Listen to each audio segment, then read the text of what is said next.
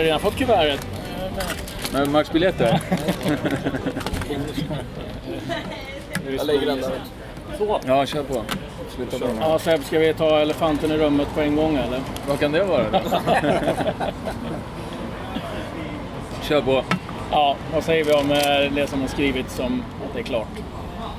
Ja, nej, jag är inte klar. Jag har inte skrivit på några papper eh, någonstans. Jag har inte varit iväg under min lediga tid. Det var väl då det skrevs tror jag. Då var jag hemma med familjen i Eskilstuna så att... Eh, nej, inget klart. Nej. Nej, det är inte så mycket annat att säga. Det, Vill du att det ska vara påskrivet innan du... det kan vara ett alternativ, absolut. Ehm, men det är som jag sagt tidigare, det måste ju också stämma liksom. Det måste, det, det måste vara klart liksom.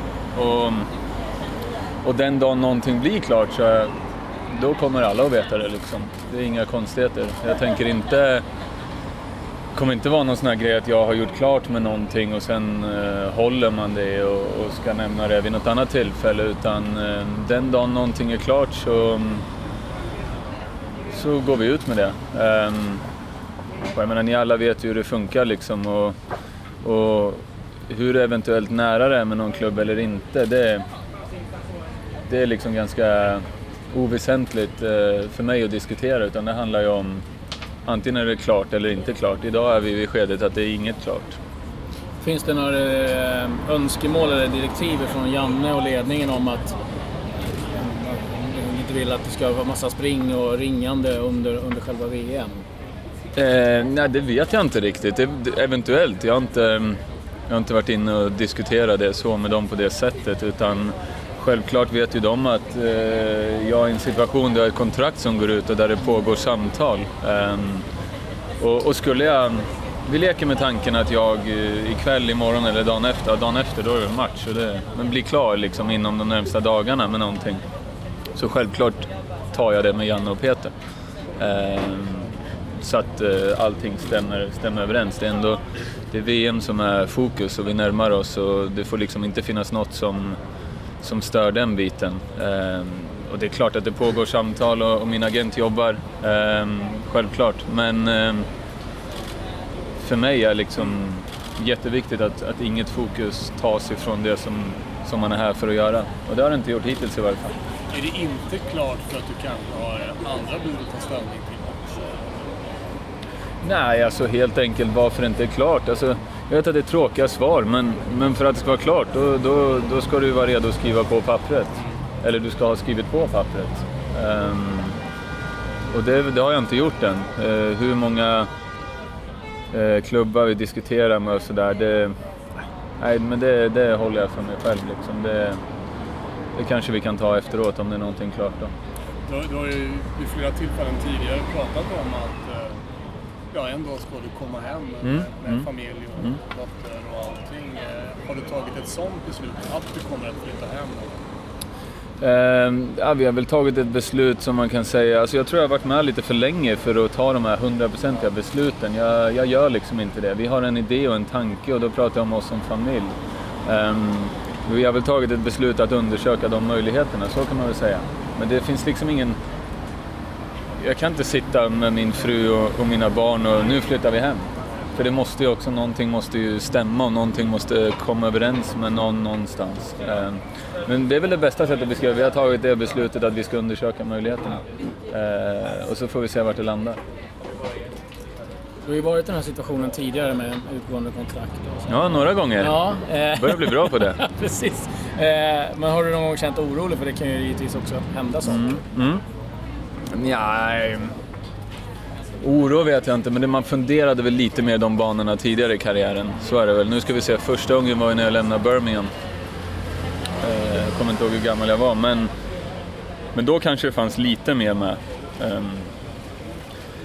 Nu funderar man inte så jättemycket på sånt liksom. Och man har varit i situationen som du sa några gånger och vant sig vid den. Och, så det är inget som, som stör mig i varje fall. Tänkte man, man backar tillbaka rätt långt så, träffades vi när du var i Arsenal.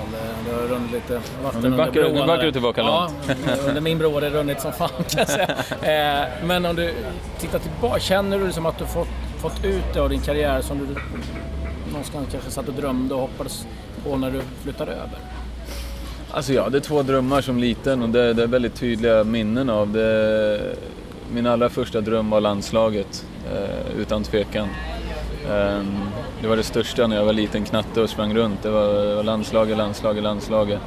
Och sen var min andra dröm att få spela Premier League. Det är liksom den ligan som jag tog till mig först som ung och, och, och fick en kärlek till. Ehm, så på så sätt, ja, mina två drömmar har slagit in. Ehm, sen reflekterar jag inte så mycket. Jag ångrar inget i min karriär. Jag ångrar, eh, jag ångrar inga val. Sen kan man väl ångra, inte ångra, men det fanns väl ett par tillfällen där andra saker kunde ha skett som inte riktigt blev av av olika anledningar. Ehm, men återigen det här, visst jag har varit i, i Premier League väldigt länge. De flesta åren slagits längre ner i tabellen. Man har ofta fått frågan, skulle man ha bytt det mot att slåss högre upp? Men för mig har det inte varit ett alternativ. Och nu pratar jag Premier League och lämna den för en annan liga, men kanske ett bättre lag i den ligan. Det har varit helt ointressant för mig. De sakerna ångrar, är det någonting kan... Nej, ångra, ångra var väl fel ord, men jag hade ett, eh, när jag var i Birmingham fortfarande, mitt sista år, um, jag sa det här i någon intervju någon gång, så jag vet inte. Ehm, så eh, januarifönstret precis i slutet kom, eh, jag tror det var under, det måste alltså ha varit januari 11. Ehm, så kom Man City in och ville låna mig ett halvår. De hade fått skada på, jag kommer inte ihåg, någon spelare som spelar på kant då. Och kom in konkret till klubben och, och till min agent och ville ta mig på lån resten av säsongen. Eh, vilket jag såklart i det skedet desperat ville. Eh, men jag förstod ju klubbens argument också. Om man sitter på ett utgående kontrakt, så vad tjänar de på att låna ut mig? Men det är väl ett tillfälle där man, där man känner att om man hade fått komma till den miljön, man vet inte vad som hade hänt. Eh, men jag kommer ihåg att jag satt hemma i huset i Birmingham och du vet, de kör den här klassiska på Sky när de står utanför träningsanläggningarna. Då stod de utanför city så, ja vi väntar på att Sebastian Larsson ska dyka upp. Men jag tänkte, ja, ja nej, fan jag sitter här i huset och dricker kaffe. Så. Det är väl en sån sak man kan känna att, eh, eh, vem, vem vet var saker och ting hade kunnat tagit vägen då? Nu tappade jag mina biljetter här också. Ja, där var de. De där kommer jag slarva bort. Ja, men, men kan, kan du liksom, i det, inte kanske ångra, men eh, om du ser tillbaka. Det finns ju de som kanske pushar på rätt hårt att få till en sån flytt. Ja, nej, men det, jag är väl inte riktigt den personen som... Eh, jag har nog inte riktigt i mig att... Eh, som jag kanske förstår vad du syftar på, att göra sig omöjlig eller bråka allt för mycket. Utan, eh, eh självklart talade jag om att jag ville. Eh, men någonstans så, så, bestämmer du inte allt själv heller. Liksom. Och I längden tror jag inte du vinner på att bråka för mycket. Jag tror det är liksom... Ett rykte följer med en spelare och... Jag vet inte, jag kanske inte hade haft den långa karriären i England som jag haft ifall man hade försökt mer, mer sånt. Lördag är du din hundrade landskamp. Du lär ju få spela den. Det sa ju till och med Janne här förra matchen att du vill beta av den innan du åker iväg. Kunde du tänka dig det, när vi pratade om det här, att du skulle hamna i det här sällskapet med hundra?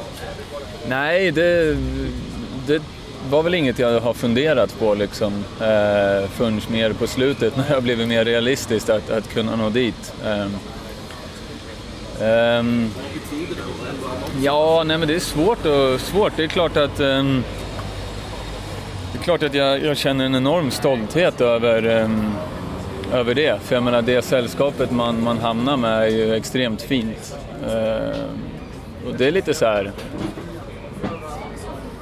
Man är, man är fortfarande mitt uppe i det och man, man tänker inte så mycket på men när jag tittar på de killarna som är där så är det klart att man, man blir ödmjuk och, och känner en stolthet inför det. Ehm, men jag hade aldrig det som mål eller något sånt där. Liksom. Det är ganska långt borta. Och, men det jag känner, och det kan jag väl jämföra lite med min karriär i England, liksom att ehm, jag känner en stolthet över att eh, ha varit på den nivån jag har varit under en så pass lång tid. Eh, sen kan man ha åsikter om att man har varit i klubbar som har slagits längre ner och, hit, och så, men, men det har ändå blivit ett antal Premier League-matcher och det har börjat blivit några landskamper nu också. Och det, det känner jag en stolthet över. Ja. Du eh, Sebastian, eh, vilka personer eller vilken person har, om du tittar tillbaka, kanske betytt mest för dig i din karriär? Att du är här nu och snart ska spela din hundrade landskamp. Ja. Ska spela VM. Bra fråga. Det är sådana frågor man inte riktigt kanske reflekterar över än så jättemycket. Men, men i grund och botten, i, i början så är det ju min familj.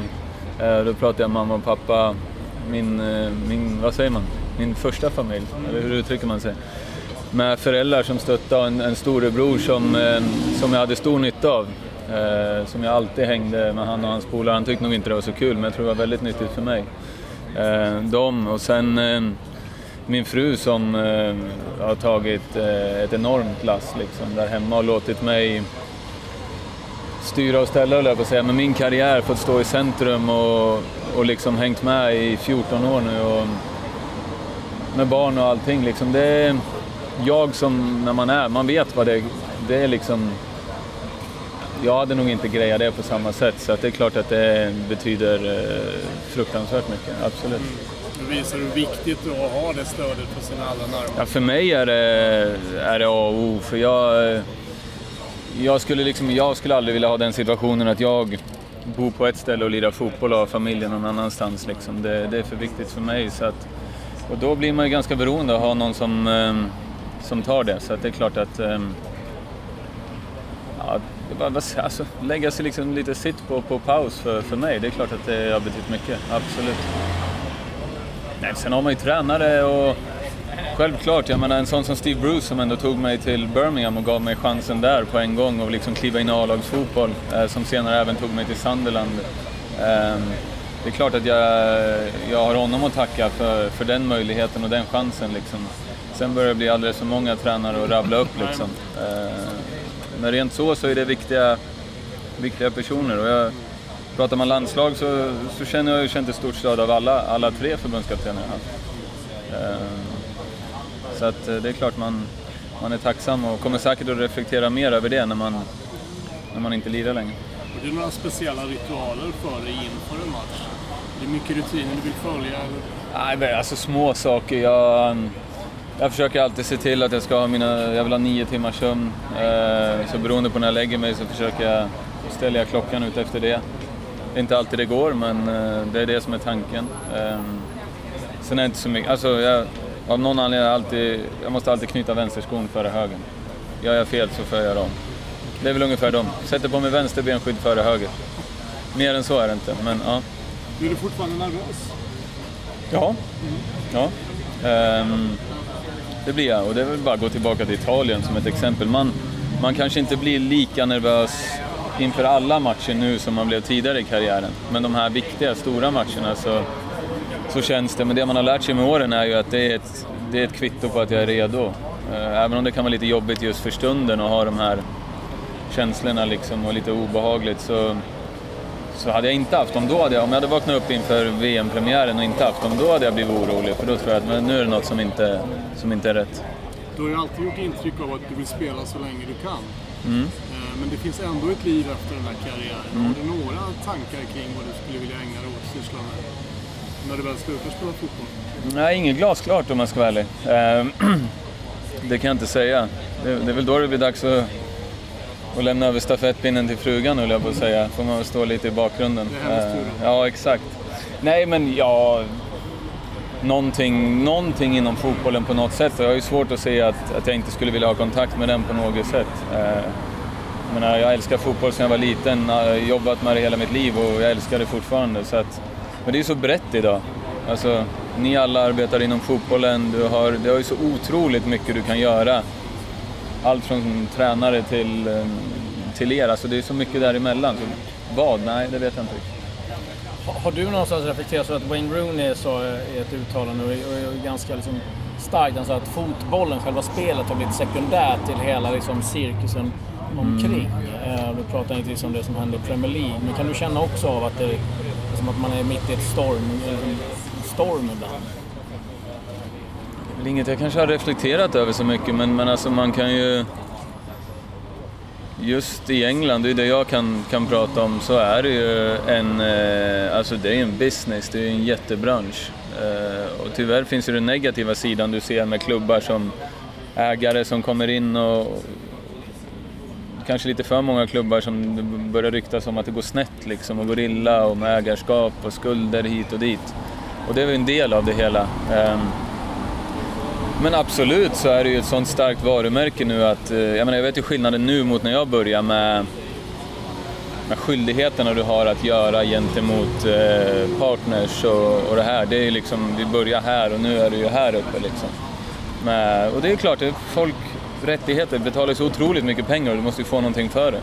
Um, så visst är det en, eh, en cirkus som drar runt, så är det ju. Men jag tycker ändå någonstans att för mig har det aldrig varit något problem. Fotbollen har ändå alltid varit nummer ett. Uh, det beror lite på hur man är som, som person också. Jag vet inte, jag är inte den som är den här sociala mediekillen som... Uh, inte än alltså? Nej. Du har inget smygkonto? Ja, nej, jag har mitt Instagram som det poppar upp någon bild då och då men nej, det har aldrig riktigt varit mig liksom. Men det är klart, idag är det ju folk varumärke och jag har inget negativt om det, men det har liksom aldrig varit min grej. Sen har jag full förståelse för att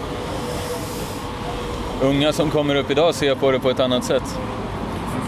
Kan du känna dig gammal i omklädningsrummet där? Liksom, jag har sett en del, eh, men De Rossi, han sa ibland när det fram ett baseballträ och drar när de sitter och tar selfies efter man har förlorat. Kan du också känna att det är, en, det är en ny era som går, att man känner sig, vad är det som händer? Ja, men det är en ny era. Jag, jag vet, jag tror det var Kim som tog upp det här första gången man reflekterade över det, tror jag var när vi slog ut Danmark i playoff. Eh, och han menar på att man kom in och jämförde med gången innan mot Holland. Liksom. Det var ingen som tittade på mobilen på fyra timmar, men, men sättet att fira efter Danmark, det var att mer än halva truppen satt så här. Och vi andra liksom bara, var är biran och låt oss dansa lite typ. Eh, så där har du ju en skillnad, absolut. Det är något som går förlorat där det det? Ja, enligt mig är det ju det, men jag tror inte det är det enligt den yngre generationen. Vad har ni för regler under VM där? Har ni några speciella regler under VM? Till sociala medier? Eh, nej, inget så här liksom att vi har sagt upp precis si och så, utan vi har väl nämnt det och pratat om det även i spelargruppen, utan det handlar ju om att ha, ha en respekt för varandra. Eh, och inte lägga upp saker som, vi har faktiskt tagit det i spelargruppen också, liksom. inte vara väldigt snabb att, eh, man får tänka till lite. Inte skapa onödiga irritationer inom en grupp. Och, utan ha den, den respekten och hittills har det inte varit några problem så, så länge det inte är några problem så tror jag vi kan hålla oss utanför reglerna utan det är alla bara tänkt till en gång extra så, så borde inte det vara några problem i varje fall. Kan man känna det? Jag menar, det finns ju en, en plussida givetvis att man kan vara nära sina mm. liksom, supportrar så här, men det finns ju också en, en baksida vi sett med Karius med mordhot och annat mm. så här. Mm. Eh, har du sett någonting av det där? Liksom att, I och med att du själv inte är så aktiv, men mm. att det påverkar spelare? Ja, alltså det ja, bra fråga. Alltså, I och med att jag själv inte riktigt är så himla aktiv så, så tar jag inte riktigt den delen av det. Men det är klart att du kan alltid, det finns ju alltid två, eller två sidor av myntet. Liksom. Du har ju det positiva och sättet du kan bygga upp varumärken, en, en karriär nästan vid sidan av fotbollen, en separat karriär liksom, som ändå går hand i hand. Um, men du har ju också liksom det du nämner. Liksom. Det, är, det är inte okej okay någonstans kan man tycka. Uh, men i dagens klimat så är det ju nästan som att det är okej. Okay, liksom, uh, jag vet inte, jag tror inte du får det ena utan det andra tyvärr. Så är nog samhället idag. En helt annan sak Sebastian. Mm. Vilka förtjänster har Granen som Nej, jag tycker han har skött det lysande. Eh, sen han tog över, jag menar...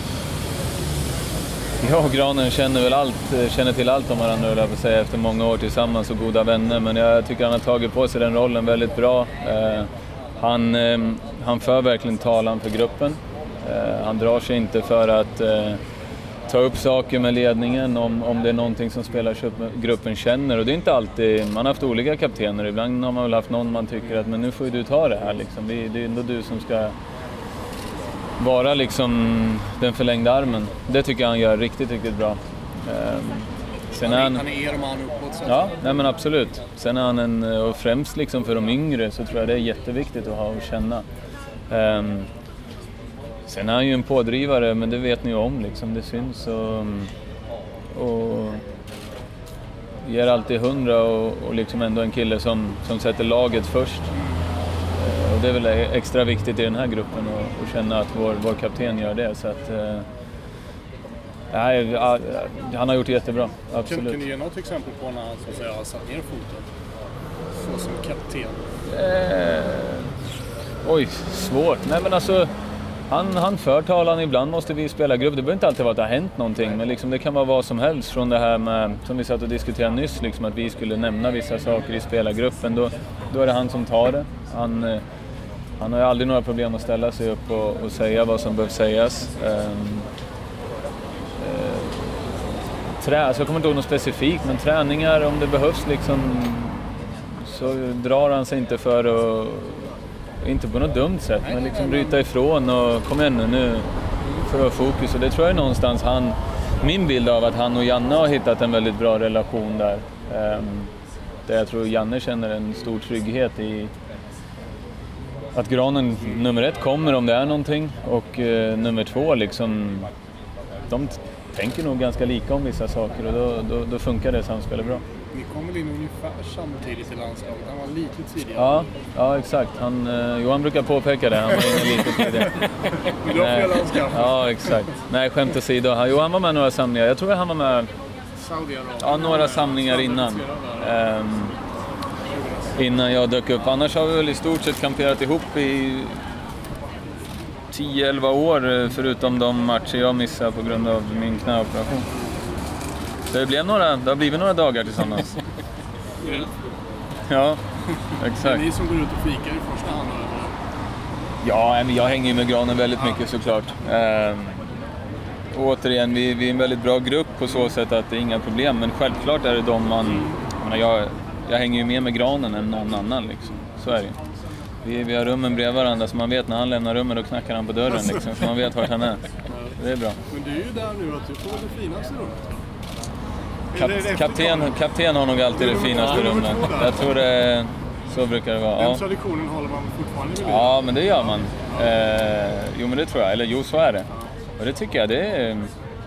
Det är klart jag tycker att det är bra nu när man har kommit upp sig. Men, nej, men skämt åsido, det är väl, så har det väl alltid varit. Så att vissa sådana här traditioner ska man, ska man hålla vid liv. Liksom, det tycker jag. Ofta är det så här, man i början av karriären, du var inne på det, så är det, liksom, då är det mer så här. Mm. Eh, njuter du mer nu eller är det fortfarande att det är så lite skygglappar kvar? Att du kan ta in mer vad som händer? Eh, både och. Alltså, ja, till viss del så tycker jag absolut att jag njuter mer. Eh, man, man inser ju att man, eh, man inte har tio år kvar av karriären och, och liksom man... Så här mästerskap, såna här stora stunder, man, man försöker att ta in mer och, och har ju den erfarenheten att man kanske är lite lugnare och sakta men säkert trappar upp istället för att liksom vara här på en gång.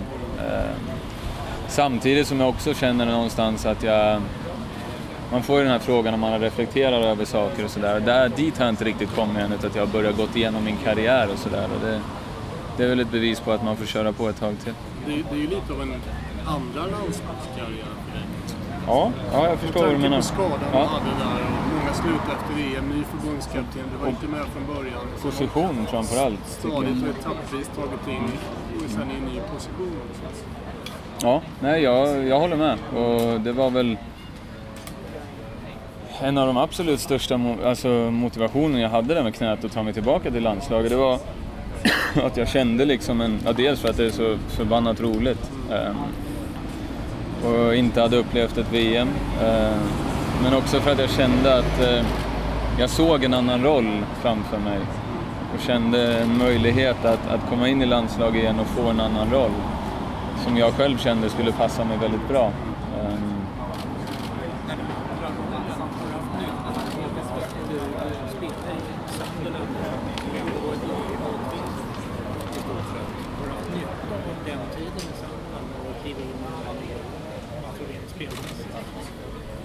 Ja men det tror jag. Jag tror absolut du drar, drar stora lärdomar av, av allt du har haft liksom, och med erfarenheten. Det, det är ju liksom, erfarenhet är ju att, att dra lärdom av, av tidigare saker i karriären. Um, och sen var det ju också så att de sista åren när jag spelade till höger i landslaget så spelade jag ju bara centralt i klubblaget liksom. Så att det blev ju en ganska naturlig... Jag har egentligen sett mig själv som en central spelare i måste vara en bit, det måste vara i alla fall en fem år nu liksom.